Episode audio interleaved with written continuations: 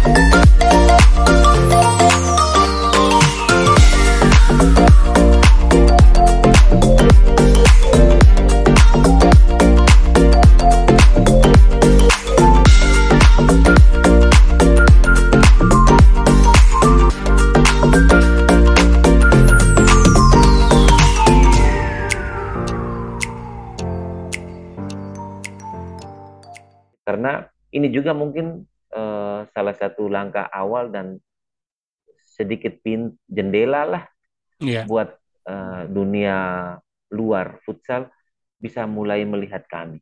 Kami dengan segala keterbatasan, tetapi uh, kalau bicara kualitas, saya berani berjudi banyak untuk pemain-pemain kami yang ada di Flores Timur ini. Buktinya uh, coach uh, Bisuk yeah. waktu itu dia malah dia tidak tidak lagi bilang trial itu. Dua pemain ini begitu datang harus datang sebelum sebelum tanggal uh, eh, 5 Januari kalau nggak salah 2017 karena mereka langsung bergabung dengan tim yang ke Thailand waktu itu. Coach to Coach Podcast adalah sebuah podcast yang isinya tentang olahraga futsal yang dimainkan di dalam ruangan empat pemain dan satu kiper.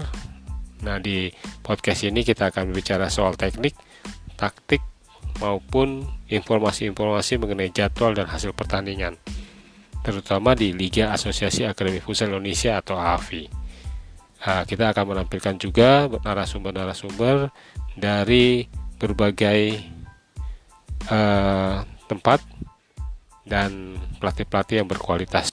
Semoga obrolan ini bermanfaat bagi pemirsa. Selamat mendengarkan.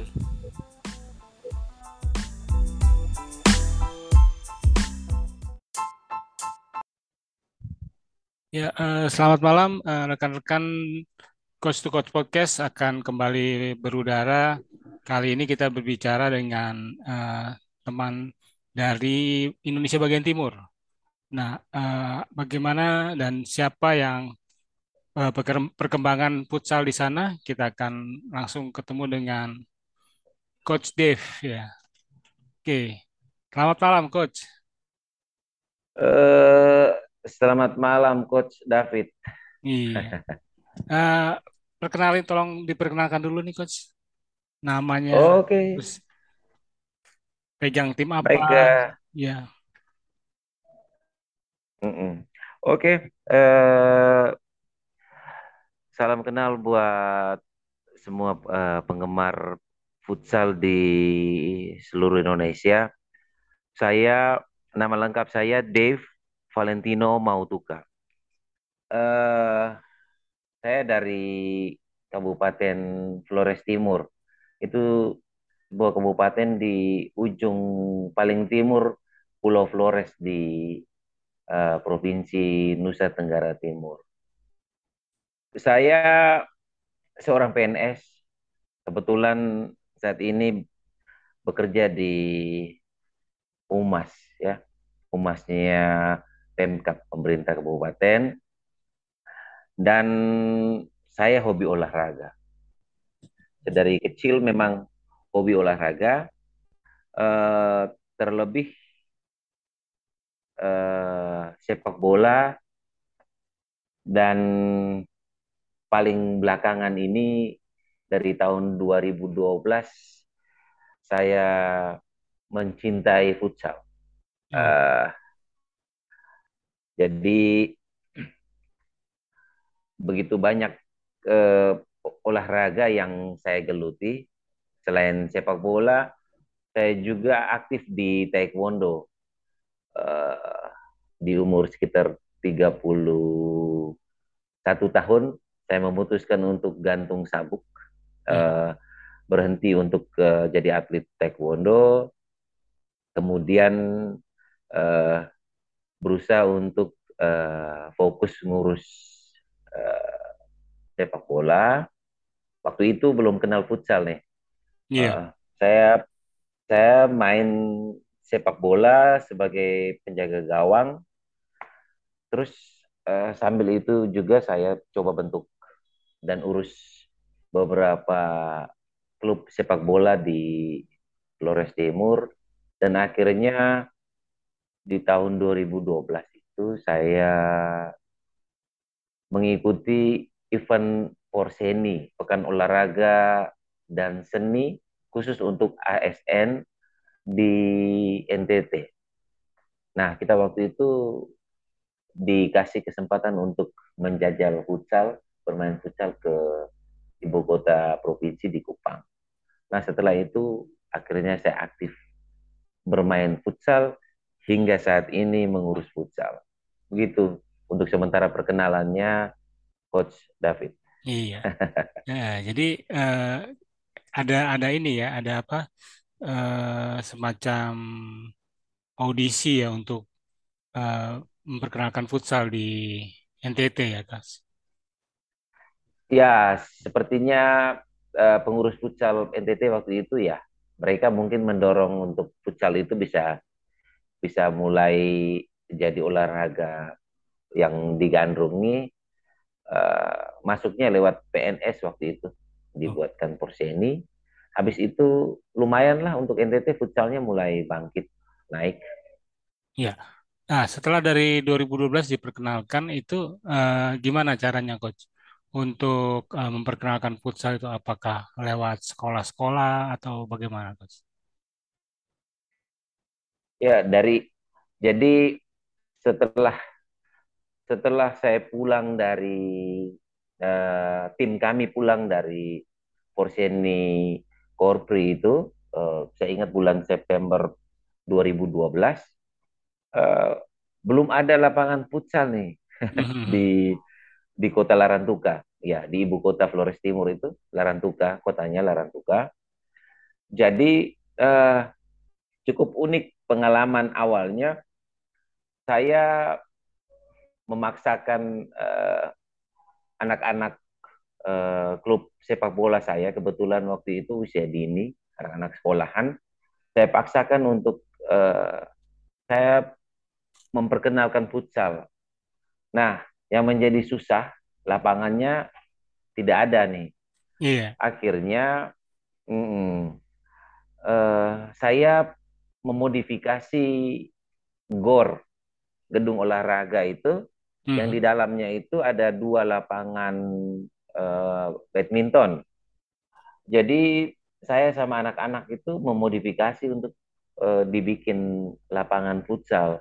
Gawangnya belum ada, Iya. Kita gambar pakai ini biar enggak ngerusak. Kita gambar pakai apa? Daun mentah. Oh. Jadi kalau apa, bisa dihapus. Oh gitu. Enggak enggak pakai ini. Ah, ah. Nggak pakai nggak pakai gawang permanen. Ya? Ah, belum belum ada itu. Masih masih di tembok nih. Saya gambar. Oh, gawangnya gambar. jadi tembok gitu. Ah, iya, gawangnya di tembok jadi kita gambar kita gambar uh, gawangnya uh, pakai daun basah daun yang masih mentah uh-huh. biar nggak ngerusak temboknya nah terus gawang sebelah itu pakai pintu oh, gitu. kebetulan pintu masuk tuh ukurannya agak agak iya agak lumayan. Nah itu mulai itu. Saya saya mulai sama beberapa teman memperkenalkan futsal. Hampir setiap malam itu ngantri itu orang tuh. Jadi gantian. Gol hmm. ganti gol ganti itu. Uh, jadi uh, berjalan terus dalam kekurangan itu pelan-pelan akhirnya mulai apa uh, ada yang bikin gawang. Uh, uh, ada yang ada yang sumbang gawang di las dibikin gawang terus berkembang. Terus uh, kami mencoba masuk ke anak-anak SD masuk ke sekolah-sekolah kita kasih pelatihan sedikit. Nah akhirnya sampailah seperti sekarang ini ya banyaklah lika-likunya nanti kita bisa dalami dalam uh, obrolan kita nanti selanjutnya. Iya. Demikian, coach. Nah, uh, berarti 2012 sampai sekarang uh, sudah sekitar 8 tahun ya? 10 tahun. 10 tahun, 2002 ya sampai 2022. 10 tahun. Uh, 10 tahun. Iya. Nah, ini bagaimana perkembangannya, coach? Kan terakhir kalau nggak salah NTT masuk ke PON ya, coach, untuk futsal ya? Iya. Iya, iya, iya. Apakah gawangnya sekarang udah apa sudah ada sarananya? Uh, gornya sudah memadai untuk uh, latihan futsal atau bagaimana, coach?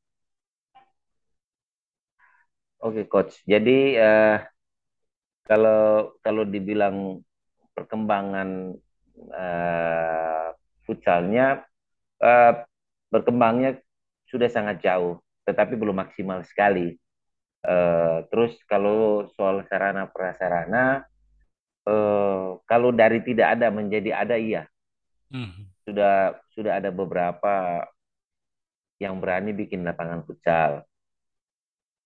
Tetapi sayangnya ukurannya ini yang menjadi masalah. Ukurannya ukuran standar yang paling kecil, oh. 20 meter. Nah, nggak ada yang ukuran uh, berstandar uh, nasional atau internasional. Iya, internasional.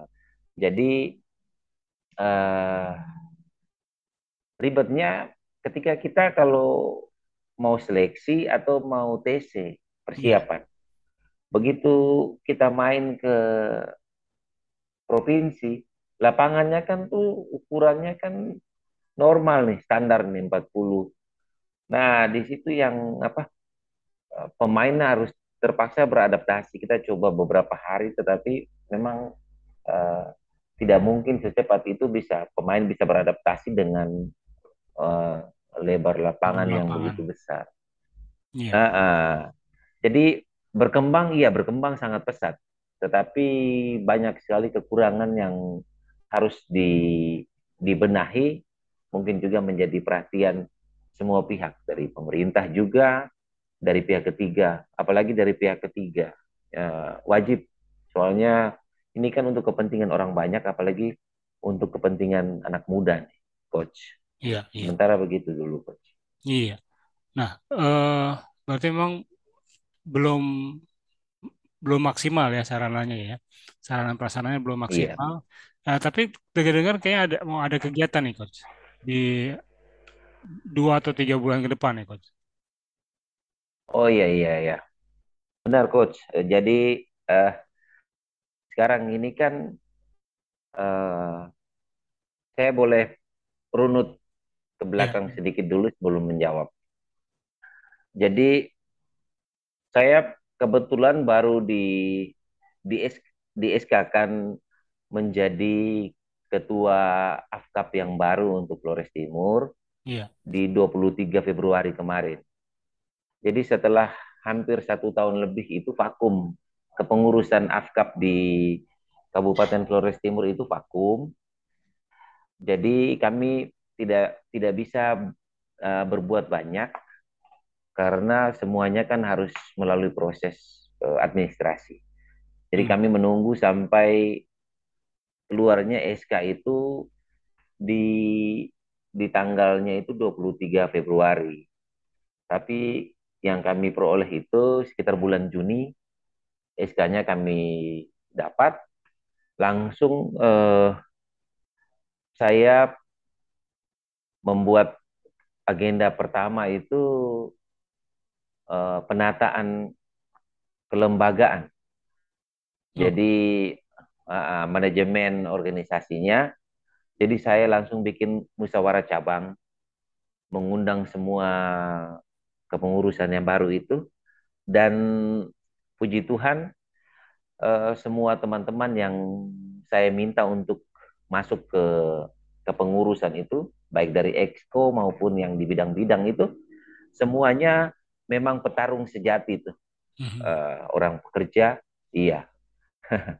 Kita benar-benar petarung sejati, sehingga waktu itu semuanya hadir dan kita memutuskan begitu banyak hal untuk pengembangan uh, futsal di Flores Timur ke depannya. Dan agenda yang paling pertama yang kami hadapi itu yang tadi barusan ditanyakan sama Coach David yeah. bahwa untuk NTT nanti ada event regional antar uh, daerah antar kabupaten kota. Uh, namanya Porprov Pekan Olahraga Provinsi. Iya.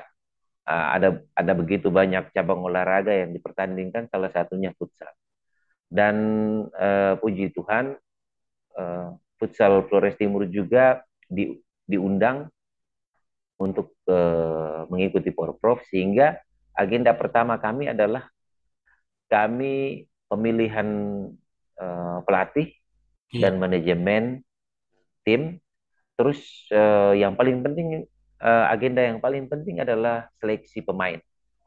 Dan kami sudah di tahap pertama uh, kami saya dan teman-teman memutuskan untuk membagi dua zona untuk seleksi karena wilayah Flores Timur ini adalah uh, wilayah yang terdiri dari beberapa pulau. Oh, gitu. Sehingga seleksinya per zona. Iya, coach. Sehingga seleksinya per pulau. Jadi di, di seleksi di awal Agustus itu itu di Adonara, di Pulau Adonara uh, sudah seleksi, kami dapat sekitar 18 pemain yang notabene ini pasti semuanya adalah memang pemain sepak bola. Iya. Tetapi uh, uh, kelihatan skill fut futsalnya kelihatan. Memang butuh proses. Uh, salah satu tujuan jauh ke depan saya adalah kita berusaha untuk mem memilah. Tetapi memang agak susah untuk kita daerah Indonesia Timur memilah futsal sama sepak bola. Iya. Itu uh, itu uh, jadi, seleksinya sorry. Uh, seleksinya datang ke pulau-pulau itu atau mereka datang ke satu tempat gitu pemainnya? Uh, seleksinya kita ke pulau. Oh datang. Jadi pelatih ya, pelatih datang iya. ke pulau. Tim iya. Tim seleksi yang terdiri dari pelatih dan beberapa uh, pengurus yang memang uh, asli pengurus yang uh, sangat mengenal pemain-pemain di wilayah kami kirim. Jadi di Adonara ada sekitar 18 atlet yang terjaring.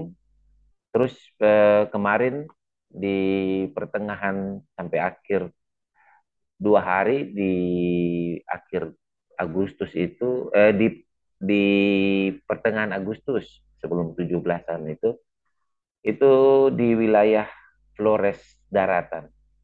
Nah, sehingga sudah terjaring eh, dua zona ini sudah terjaring tinggal nanti seleksi terakhir itu seleksi pematangan dari dua zona ini tambah ditambah dengan eh, ada sekitar beberapa pemain yang sudah terjaring di ada event antar pelajar sebelum ini emang ada ada event antar pelajar itu sudah terjaring beberapa pemain.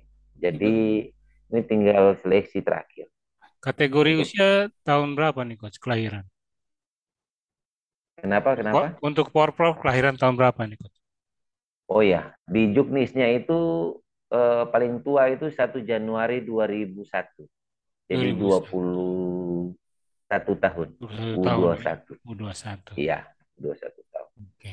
Nah, uh, dari apa namanya itu eh, syarat-syarat yang lainnya apakah harus eh, berKTP di dari di daerah yang kabupaten uh, Flores Timur atau bisa dari luar gitu asal dia kelahirannya di daerah Flores Timur atau bagaimana Coach? Iya, jadi dari juknis yang diturunkan dari uh, Asprof itu wajib berKTP uh, daerah setempat. Jadi kalau di Flores Timur wajib berKTP di Flores Timur, walaupun dia kuliahnya di tempat lain, oh, boleh bisa, tetapi harus berKTP Flores Timur. Jadi uh, bisa kemungkinan ada nggak yang dari luar? Yang mungkin ya udah keluar uh, apa mungkin ke Jawa atau ke Sulawesi atau apakah ada kemungkinan seperti itu? Ya, ada coach. Jadi uh, kita mengambil uh, mudahnya saja kita mungkin menjaring yang terdekat di di Kupang Hmm. Kebanyakan orang Flores Timur kuliahnya di ibu kota provinsi di Kupang. Jadi ada beberapa yang memang akan mengikuti seleksi tetapi kuliah di Kupang. Memang oh. Jadi kalau Porprov di sana itu berapa kabupaten uh, pesertanya itu? Uh, futsal sekarang itu hampir hampir seluruh kabupaten kota itu uh, diundang. Totalnya Jadi berapa? ini total kita ada dua, 22 kabupaten kota. 22 kabupaten. Untuk untuk NTT 22 kabupaten kota. Hmm, Oke. Okay.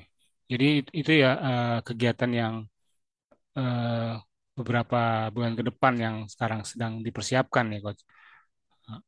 Iya.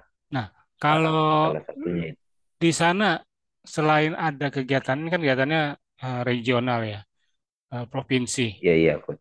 Tapi di kabupaten sendiri apakah ada liga gitu atau uh, kompetisi yang reguler dilaksanakan di sana atau bagaimana? Oke okay, coach.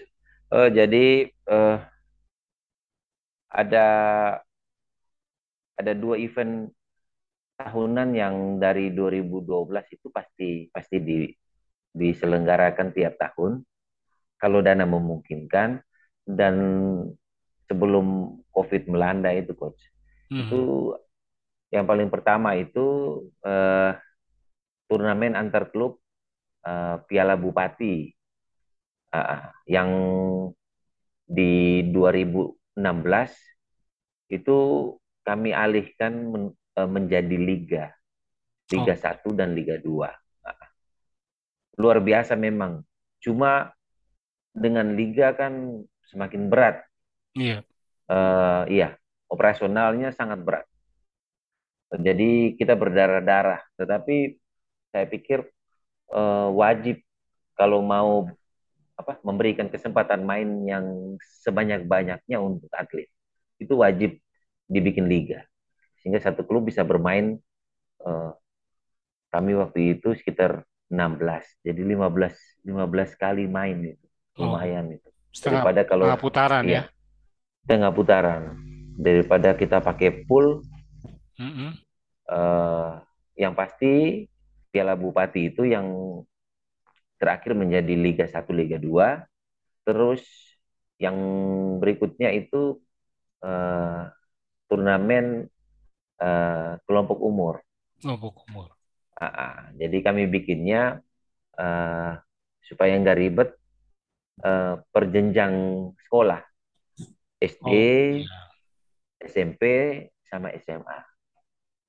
Nah, dulu enak, cuman uh, begitu SMA itu menjadi kewenangannya provinsi, ya itu yang agak ribet karena uh, seluruh urusan harus kembali ke provinsi, bukan di dinas pendidikan dan olahraganya kabupaten lagi kalau untuk SMA. Hmm. Oh. Jadi kalau dari dulu dua dua event itu yang pasti. Yang sampai sekarang ber, tetap berjalan ya. Tetap berjalan. Jadi kalau bisa dibilang uh, sumber daya pemainnya bisa diambil dari sana. Iya, benar sekali coach. Uh, uh. Uh, kemudian uh, kalau dari 22 provinsi, 22 kabupaten yang ada kabupaten di, kota kabupaten kota yang ada di NTT. Ini menurut ya. coach, coach itu yang paling kuat nih dari kabupaten mana nih? Oh jelas yang uh, yang paling kuat itu adalah mereka yang di provinsi oh. terutama karena eventnya itu bukan rutin lagi. Event uh, dari pihak ketiga ini banyak sekali, hampir setiap bulan ada event. Itu yang pertama. Yang kedua, uh, lapangannya itu ukurannya itu sudah standar. Standar. Uh, itu berarti yang ketiga, ya? iya. Iya. Hmm. Iya di Kupang, di Kupang. Uh, yang ketiga itu sudah mulai ada uh, atlet yang apa uh, memutuskan untuk dia total di futsal. Di futsal. Nah, sudah sudah sudah iya sudah mulai sehingga sudah mulai seksi untuk apa futsal di adalah pilihan cukup seksi di apa di Kupang. Kupang. Sedangkan kalau untuk ke wilayah di luar Kupang itu eh, rata-rata kualitasnya mirip. Nah, okay. Yang agak eh, yang agak sedikit uh, kuda hitam yang kemarin cukup mengejutkan itu mm. adalah besutannya uh, coach uh, Lucantoli. Oh, itu Sika. Sika. Nah, Sika. Di tahun 2019 itu uh, Porprov 2019 itu Sika itu masuk final tuh ketemu sama Kota Kupang. Oh. Nah, kalah sama Kota Kupang. Oh iya. Jadi jadi luar biasa uh, uh, untuk yang lain perkembangannya agak mirip-mirip lah. Okay. Nah, kalau di sana untuk pemain sudah uh, bagaimana dengan pelatih coach di sana? Uh, berapa banyak pelatih yang level nasional uh, atau mungkin ada license juga yang dari AFC gitu untuk keseluruhan ya yang coach tahu deh. Yang di Flores atau di NTT nih? Di NTT. Di Flores Timur. Ya, Flores Timur ataupun uh, umumnya di NTT. Ya. Kalau di NTT yang AFC udah ada, ada ada beberapa begitu. Uh, saya tidak terlalu ini uh, jumlahnya nggak saya nggak nggak bisa pastikan. Tetapi yang level nasional banyak sekali, termasuk saya. Uh, untuk Flores Timur ada tiga orang yang punya level 1 nasional. Nah, cuma yang jadi masalah uh, kualitas pelatih ini uh, tidak terasah karena jarang ada turnamen. Itu yang pertama. Yang kedua, begitu turnamen, kami ini bukan pegang klub, tapi kami ini penyelenggara. Kami kan di dalam hmm. AFKAP itu, Asosiasi Futsal. Iya, iya, iya. Jadi kami memang total untuk mengembangkan, mengembangkan. Nah, sehingga memang salah satu uh, salah satu apa tujuan tujuan jangka pendek juga adalah pengembangan SDM wasit juga eh wasit uh, pelatih juga. pelatih juga karena itu kata kunci juga iya untuk pelatih nah untuk yang akan diadakan ini apakah hanya kategori putra atau kategori putri juga diadakan Putra dan putri, coach. Putra dan putri ya, coach. Iya. Nah, uh, kalau kemarin kita ngelihat di Liga Futsal Nusantara ya, coach, itu ada iya. satu tim putri dari NTT. Mm-hmm. Nama timnya kalau salah New Idola ya. Nah, itu uh, iya, iya, iya. Itu, uh, kalau coach memang Dev tahu, mungkin mereka berasal dari mana tuh, coach? Dari kabupaten uh, uh, saya saya tidak tidak mengupdate uh, klub yang putih itu. Yeah. Saya minta maaf. Nanti saya ngecek ya. Yeah. Oh iya, mereka agak ini ya, cukup viral ya. Ya, cukup viral dan mereka punya uh, sayangnya di pertandingan ketiga itu mereka kalah 2-1 dari Sumatera Selatan kalau nggak salah itu ya. Sehingga akhirnya nggak nggak lolos ke uh, momen futsal league. Putaran Oh begitu ya ya. Ya. Memang kami di sini kalah kalah di sponsorship ini coach. NTT ini kan agak berat nih. Perusahaan-perusahaan swasta juga nggak terlalu banyak. Apalagi sebaran uh, wilayah NTT ini kan sebarannya per pulau-pulau nih. Yeah. Iya. Uh, hampir hampir lebih banyak fokusnya kan di di ibu kota provinsi nih ibu kota di, provinsi. di ujung barat Iya, di ujung barat Pulau Timur di di Kupang. Jadi di wilayah-wilayah, jangankan wilayah, untuk NTT aja eh, berat untuk orang berani untuk eh, apa berkorban untuk futsal. Paling yang saya tahu itu mm-hmm. yang minta maaf yang saya bilang orang gila mm. di futsal itu Pak Jimmy Sianto. Emang itu kalau saya bilang memang maniak. Beliau memang total untuk urus, urus futsal. Tetapi oh. untuk uh, figur yang lain berkorban memang agak berat di futsal. Yeah. Gitu, Coach. Mm -mm. Nah, untuk klub sendiri kan ada Liga Futsal Nusantara. Uh, iya. pada saat musim kemarin tuh apakah dia adakan di sana atau bagaimana? Iya, di, diadakan. Uh, saya juga tahu info. Hmm. Cuman konsekuensi kita ikut itu kan kalau umpama kalau menang kan harus wajib main ke level berikutnya ke iya. atas. Yeah. Jadi memang uh, uh, untuk AFCAP sama AFCOT itu angkat tangannya karena begitu.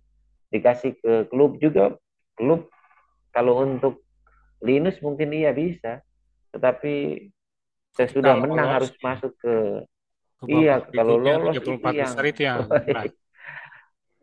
iya hmm. makanya kalau ini mungkin pikiran saya saja yeah. coach uh, kalau Indonesia mungkin mau maju mungkin harus apa ada ada pihak ketiga perusahaan yang yang memang total di futsal bisa melirik ke wilayah-wilayah termasuk ke Indonesia Timur sehingga yeah. kalau ada klub yang bagus, mereka bisa jadi bapak angkat untuk yang penting tim ini main saja.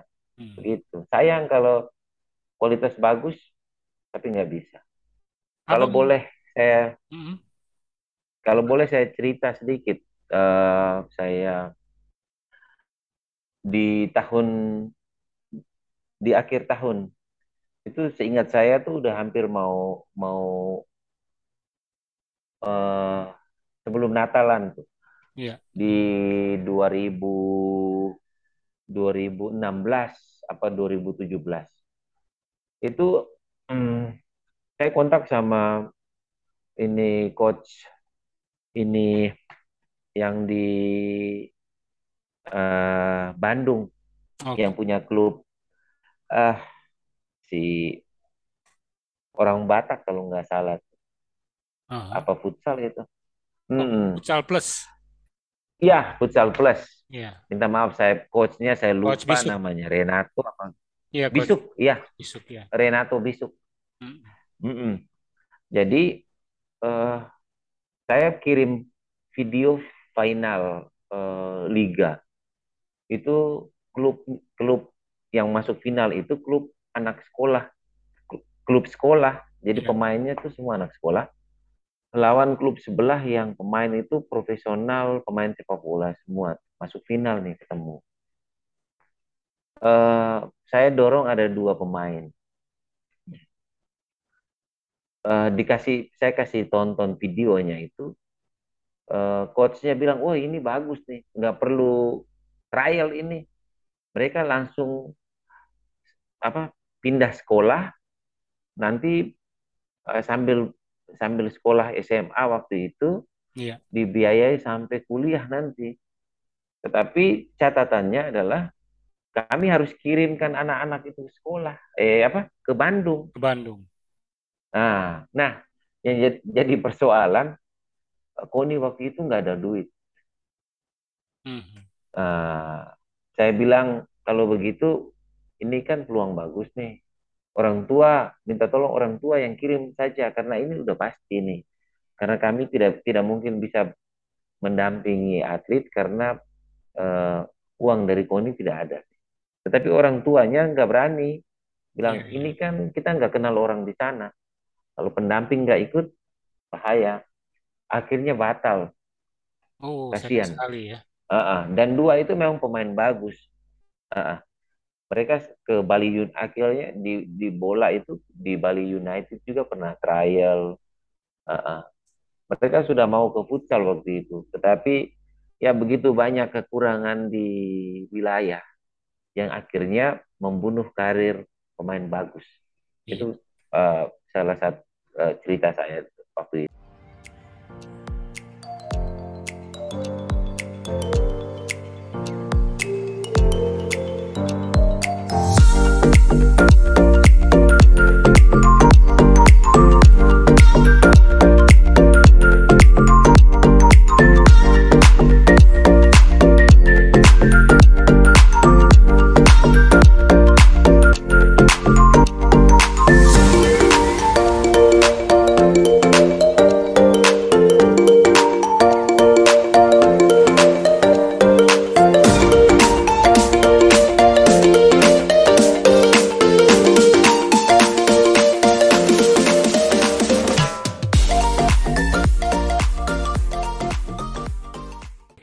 jadi eh, kendalanya itu ya, apa namanya, eh, tidak ada biaya untuk membawa anak-anak itu pergi ke Bandung ya untuk untuk eh, eh, apa dilatih di sana ya. Karena saya tahu Coach Rizky Iya, juga eh, nggak hanya anak-anak Bandung, jadi anak-anak di luar Bandung juga banyak yang ikut di Futsal Plus ya di sana untuk iya. kemudian sekolah. Dan pengalaman saya dengan Coach Bisuk adalah waktu tim Swap FC itu masuk ke Final Four 2012, Coach, Mm-mm. itu kita punya Iya. pakai tiga pemain dari Futsal Plus. Ya, ada Michael Nustelu yang sekarang jadi keep, masih bermain di keep, kipernya Halus FC. Kalau coach eh, Oh, Halus FC. Iya, iya, tahu. eh, menonton pertandingan Liga Pro yang sekarang. Eh, kemudian ada Reinmart, ya, kemudian ada Simon. Nah, tapi kedua ini eh, tidak meneruskan karirnya di futsal, eh, mereka jadi pelatih. Selain itu ada nggak kepikiran mungkin di apakah eh, di NTT sendiri mungkin dibikin satu klub yang mewakili NTT sendiri untuk kemudian maju ke liga profesional seperti itu. Ada pemikiran seperti itu nggak, Coach? Dari teman-teman di Flores Timur ataupun di NTT se- pada umumnya nih, Coach. Oke, Coach. Eh, jadi eh, eh, kalau angan-angan punya klub yang mampu ke sana itu saya nggak berani berangan-angan, Coach. Iya. Tetapi yang jelas eh, Pak Jimmy Sianto udah bikin tuh. Dia dia sangat backup eh, tim futsal NTT Mhm. untuk eh, untuk bermain keluar. Juga ada mungkin ada beberapa pelaku futsal di di Kupang di NTT yang ada ya. Ada juga yang ini tetapi yang selama ini saya lihat yang agak getol Iya, itu eh, Pak Jimmy Sianto. iya. Karena kan di kalau di futsal Kota Bandung, di Bandung ya, Bandung sendiri itu eh, Ya, mereka bikin namanya futsal Kota Bandung. Nah, nah, jadi pemain-pemain Bandung yang berasal dari Liga Bandung, futsal futsal Liga Bandung itu kemudian dijadikan satu, lalu dibawa ke Liga Profesional. Nah, eh, kalau coach mungkin lihat ya, yang sekarang klub yang ada itu namanya DB Asia.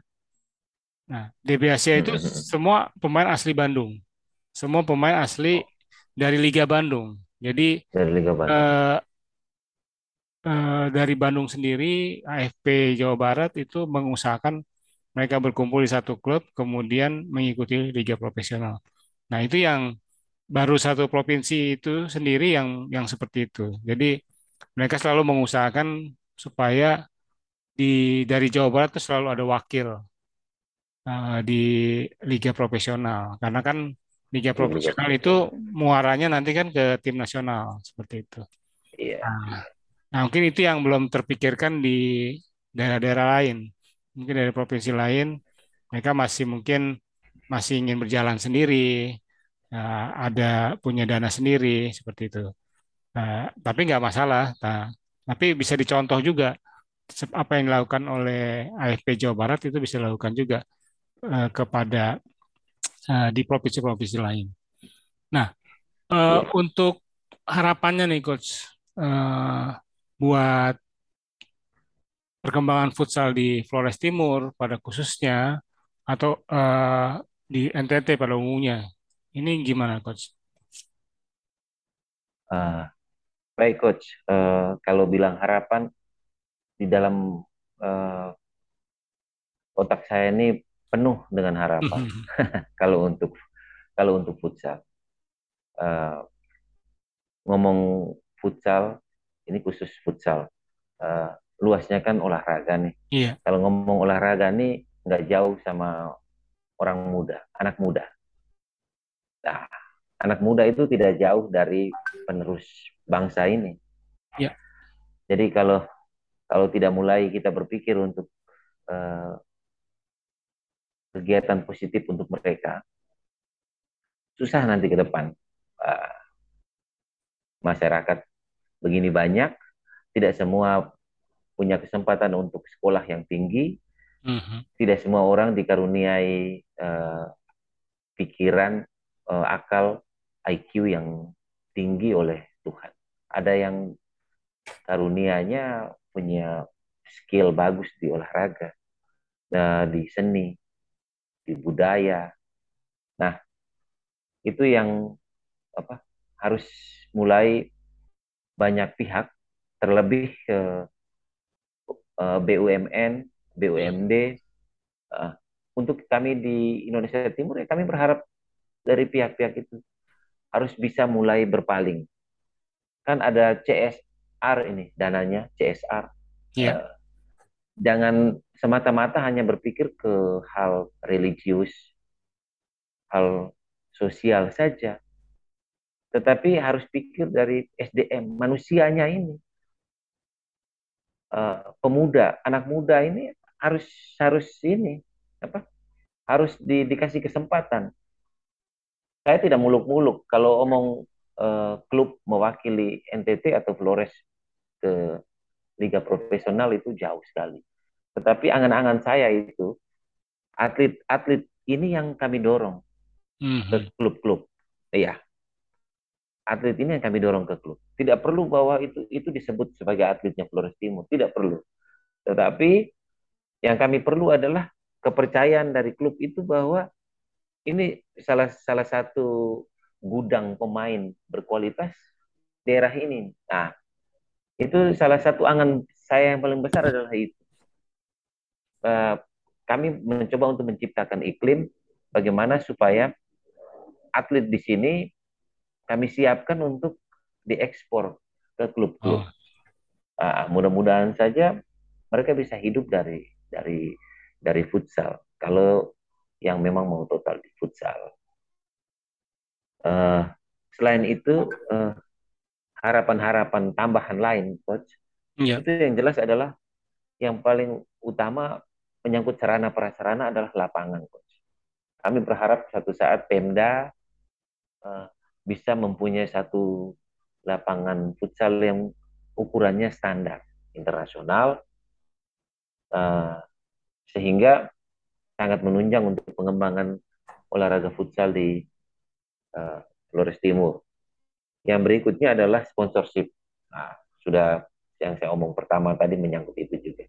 Harapannya adalah pihak ketiga, perusahaan swasta, BUMN, BUMD, wajib itu. Mereka harus mulai melirik untuk uh, memperhatikan cabang olahraga, terkhususnya futsal. Ya. Uh, harapan berikutnya adalah uh, kami berusaha untuk cabang olahraga ini, futsal ini, eh, bisa diakui menjadi salah satu cabang olahraga mandiri di KONI uh, Kabupaten. Saya tidak tahu di di KONI mm-hmm. uh, pusat itu futsal itu berdiri sendiri atau masih di bawah uh, ASKAP uh, PSSI. Kalau di sini masih di bawah PSSI, sehingga kami tidak punya uh, tidak punya dana sendiri, harus dananya harus ter, uh, tercoloknya di Asprof. di sepak bola. Iya, oh, iya. di ASKAP, Asosiasi Sepak Bola. Asosiasi Uh, saya berharap ke depannya kami bisa diakui sebagai salah satu cabang olahraga mandiri. Karena uh, futsal kan sudah punya, walaupun di bawah, ada di bawah sepak bola, tetapi rumah tangganya tidak tidak campur aduk iya. masing-masing. Iya. iya, saya berharap, Jadi, saya hmm. berharap itu. Iya, karena uh, futsal tuh masih di PSSI juga, tapi uh, iya. dia punya federasi sendiri yang mengurus. Sendiri. Nah, dan itu berlaku juga iya. di provinsi. Uh, jadi hmm. ada asosiasi provinsi, kemudian ada askap juga untuk kabupaten. Nah, dan futsal itu ada di bawahnya askap juga. Uh, iya. Uh, jadi memang organi organisasinya masih campur ya jadi saling bentrok ini dan sayangnya memang dananya turunnya dari satu sumber iya yeah. nah, itu iya kecuali ke, di, bisa dikasih kebebasan untuk mencari uh, dana sendiri ya untuk untuk AFK atau AFKAP untuk berdiri AFK. sendiri ya tapi kan karena kebijakannya masih harus dari askap ya dari sepak bola. Uh, itu yang masih. Hampir semua memang di semua daerah juga begitu. Uh, tapi mungkin kayak misalnya yang saya contohkan di Bandung itu uh, karena AFK-nya dan AFP-nya itu uh, berada di lingkungan pemerintahan daerah juga sehingga mereka bisa uh, punya bargaining position dengan sepak bola gitu. Uh, uh. Iya, iya. Oke. Okay. Uh, itu menarik sekali tuh coach. Kalau misalkan uh, yang tadi coach bilang bahwa di Flores Timur ini atau di NTT ini akan uh, men menjadi gudangnya pemain futsal nantinya dan nanti bisa di yeah. istilahnya apa ya diekspor ya ke diekspor ke klub-klub ada yang ada di di di luar yeah. sana ya mungkin di pro, yeah. di klub profesional atau mungkin di uh, semi pro semi pro seperti itu nah, dan yeah. Ini juga bagus sih coach ke depannya hanya tinggal uh, bagaimana caranya mempromosikan pemain-pemain tersebut ke ke klub-klub tersebut yang yang menjadi apa namanya incaran lah. Nah, karena uh, yang kalau coach mungkin perhatikan di Liga Pro sekarang ini ada yang namanya tim Sadakata FC dari Aceh ya. Uh, Aceh. Uh. Itu ada dua pemain uh, berasal dari Timor Leste. Oh. Uh, nah, kedua pemain ini itu juga adalah hasil kerjasama antara klub yang ada di Timor Leste dengan klub hmm. Sadakata. Nah, karena kedekatan mereka sehingga akhirnya istilahnya jadi magang, magang bermain di klub oh, Sadakata. Iya. Salah satunya karena klub di Sadakata itu uh, coach uh, Fandi Butar-Butar. Kalau oh, iya, iya.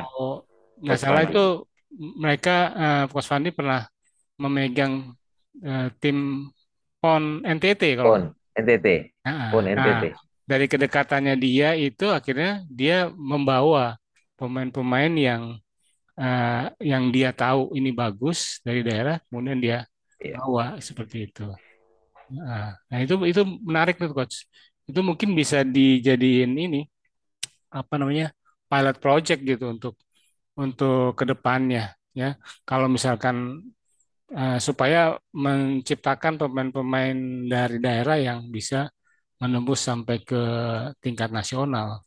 Nasional. Iya. iya. Uh -uh. Karena kan kalau yang dari saya uh, apa namanya pengalaman adalah uh, saya punya tiga pemain, yang satu tadi coach sudah sekarang uh, coach uh, Luken Luken Toli itu pernah bermain sama Swap FC satu satu musim.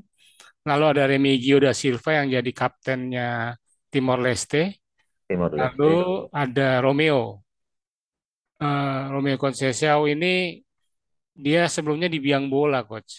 Itu kemudian dipinjam oh, iya, ke Swap FC untuk karena di Biang Bola uh, punya banyak pemain, akhirnya dipinjamkan. Nah, dan uh, itu memang keduanya berasal dari Timor Leste. Uh, uh. Dan saya yakin pasti juga banyak sih pemain-pemain. Mungkin hanya tinggal melihat uh, ininya ya, menembus uh, bagaimana caranya untuk bermain di liga profesional itu, guys.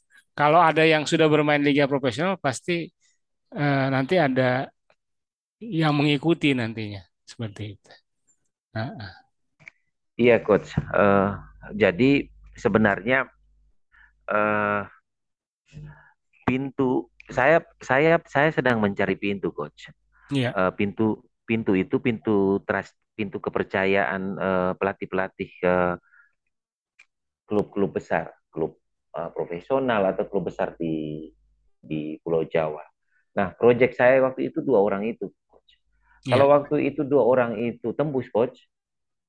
Nah, ini jelas Flores Timur uh, terkhususnya dan NTT pasti akan jadi lirikan dari eh, klub-klub uh, uh, dari Jawa, dari manalah yang klub besar, klub profesional untuk bisa melirik pemain-pemain uh, bagus. Karena untuk Flores Timur, coach NTT secara keseluruhan, tetapi uh, dalam skop saya bicara Flores Timur itu bakat alam itu gen gen pesepak bola itu alamiah tuh coach bakat bakat alamnya tuh banyak daerah yang tidak punya lapangan bola coach oke okay, ya yeah. hanya bermain di pinggir pantai di pasir tetapi nanti kalau sudah bermain sepak bola bermain futsal aduh skillnya itu coach mereka hanya menonton menonton sebentar di TV itu langsung seperti seperti sudah refleks apa yeah. gerakan itu sudah muncul. Iya. Jadi sangat sangat sayang kalau kualitas uh, genetika pesepak bola dan futsal di Flores Timur ini uh, tidak bisa kita promosikan keluar. Makanya saya sangat bersyukur dan berterima kasih kepada Coach David yang hari ini memberikan kesempatan kepada saya mau mewawancara saya menyangkut pengembangan futsal di uh, Flores Timur. Karena ini juga mungkin uh, salah satu langkah awal dan sedikit pin jendela lah yeah. buat uh, dunia luar futsal bisa mulai melihat kami. Kami dengan segala keterbatasan, tetapi uh, kalau bicara kualitas saya berani berjudi banyak untuk pemain-pemain kami yang ada di Flores Timur ini. Buktinya uh, coach uh, Bisuk yeah. waktu itu dia malah dia tidak tidak lagi bilang trial itu. Dua pemain ini begitu datang harus datang sebelum sebelum tanggal uh, eh, 5 Januari kalau nggak salah 2017 karena mereka langsung bergabung dengan tim yang ke Thailand waktu itu. Oh. Uh, wah, Futsal Plus yang ke ke Thailand untuk uh, piala apa begitu. Tapi sayang mungkin belum nasib yeah. nasibnya kami Flores Timur nih coach. Yeah, yeah. Jadi mudah-mudahan ini awal yang baik yeah. kesempatan diberikan oleh coach David buat kami. Ya, mudah-mudahan ini awal yang baik juga mungkin uh, mungkin bisa juga mengundang coach dari luar untuk datang ke ke Flores Timur atau ke NTT. Lalu ada yang mungkin diperlukan adalah video-video coach untuk uh, bagaimana mereka bermain supaya uh, terlihat seperti apa sih mereka skillnya seperti apa yang mungkin nanti bisa menarik perhatian para pelatih-pelatih yang ada di uh, apa namanya yang mungkin selama ini ada di di luar di Jawa, di Kalimantan atau di Sumatera seperti itu. Iya, iya. Nah, karena kan kita tahu bahwa Indonesia ini luas dan punya banyak sekali sumber daya manusia yang pemain yang berkualitas walaupun namun kita belum bisa karena jaraknya yang lu, bes, eh, jaraknya yang jauh dan wilayah yang besar uh, susah untuk mencari ya seperti itu. Iya, tidak terpantau. Tidak terpantau itu dia. Uh, iya, bahkan sepak bola juga seperti itu ya, coach. Susah. Uh. Iya, sepak bola juga susah. Uh, kalau kalau pelatih hanya mampir sehari, mm -mm. nggak bakalan bisa ketemu. Iya. Pemain yeah. kan belum tentu hari ini bagus, eh, hari ini bagus, besok waktu ada coach dia bagus belum tentu. Mungkin saja lagi drop, drop yeah. gimana. Yeah. Iya. Yeah. Jadi memang butuh kesempatan. Kami butuh kesempatan. Iya. Uh, ba banyak uh, banyak contoh sekarang yang sudah main kalau sepak bola ya. Iya. Uh, dari Flores Timur, Kasim Botan. Oh, Kasim Botan. Itu asli Flores. Iya. Itu dari Flores Timur itu. Nah, mm -mm. jadi uh, NTT sekarang memang mulai dilirik, tapi kan belum belum belum belum kayak kalau orang sebut Papua, iya Papua. Mata kan langsung di iya. Ah, ah. Dari mana Papua? Semua kan langsung tertuju. Ah. kalau sebut NTT belum, karena memang memang mungkin butuh waktu. Iya. Butuh butuh pengakuan, butuh bukti. Dan inilah kami coba kami coba untuk uh, mulai berbuat tetapi sekali lagi mau menunjukkan bukti juga memang butuh modal. Betul. Iya. Oke. Okay. Iya.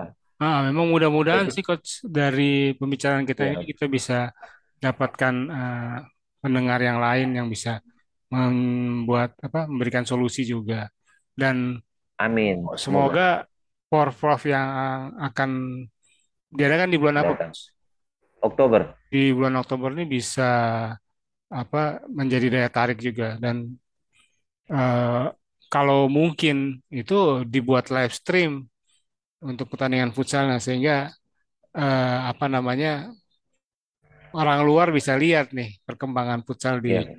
NTT ini seperti apa gitu. Uh-uh.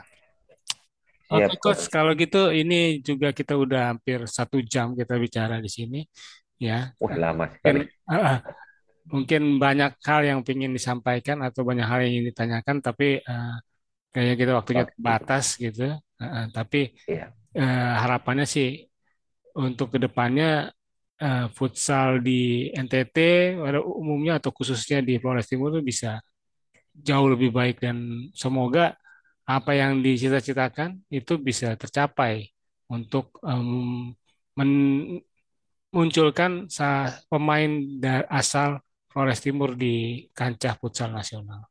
Gitu. Uh, semoga uh, ada ada orang gila futsal yang butuh pemain berkualitas, hubungi kami di Flores Timur. Kami memberikan bukti bahwa pemain uh, Flores Timur itu uh, genetikanya itu asli pemain berkualitas. Amin. Amin. Amin. Ya, oke. Okay. Semoga Tuhan bisa jalan. Iya. Oke, okay, terima kasih. Uh, hari ini kita sudah mendengarkan obrolan antara uh, Coach Bos dengan uh, Coach Dev dari Flores Timur. Semoga apa yang kita bicarakan di sini bisa bermanfaat dan juga menjadi inspirasi bagi teman-teman futsal di Indonesia. Oke, salam futsal Indonesia.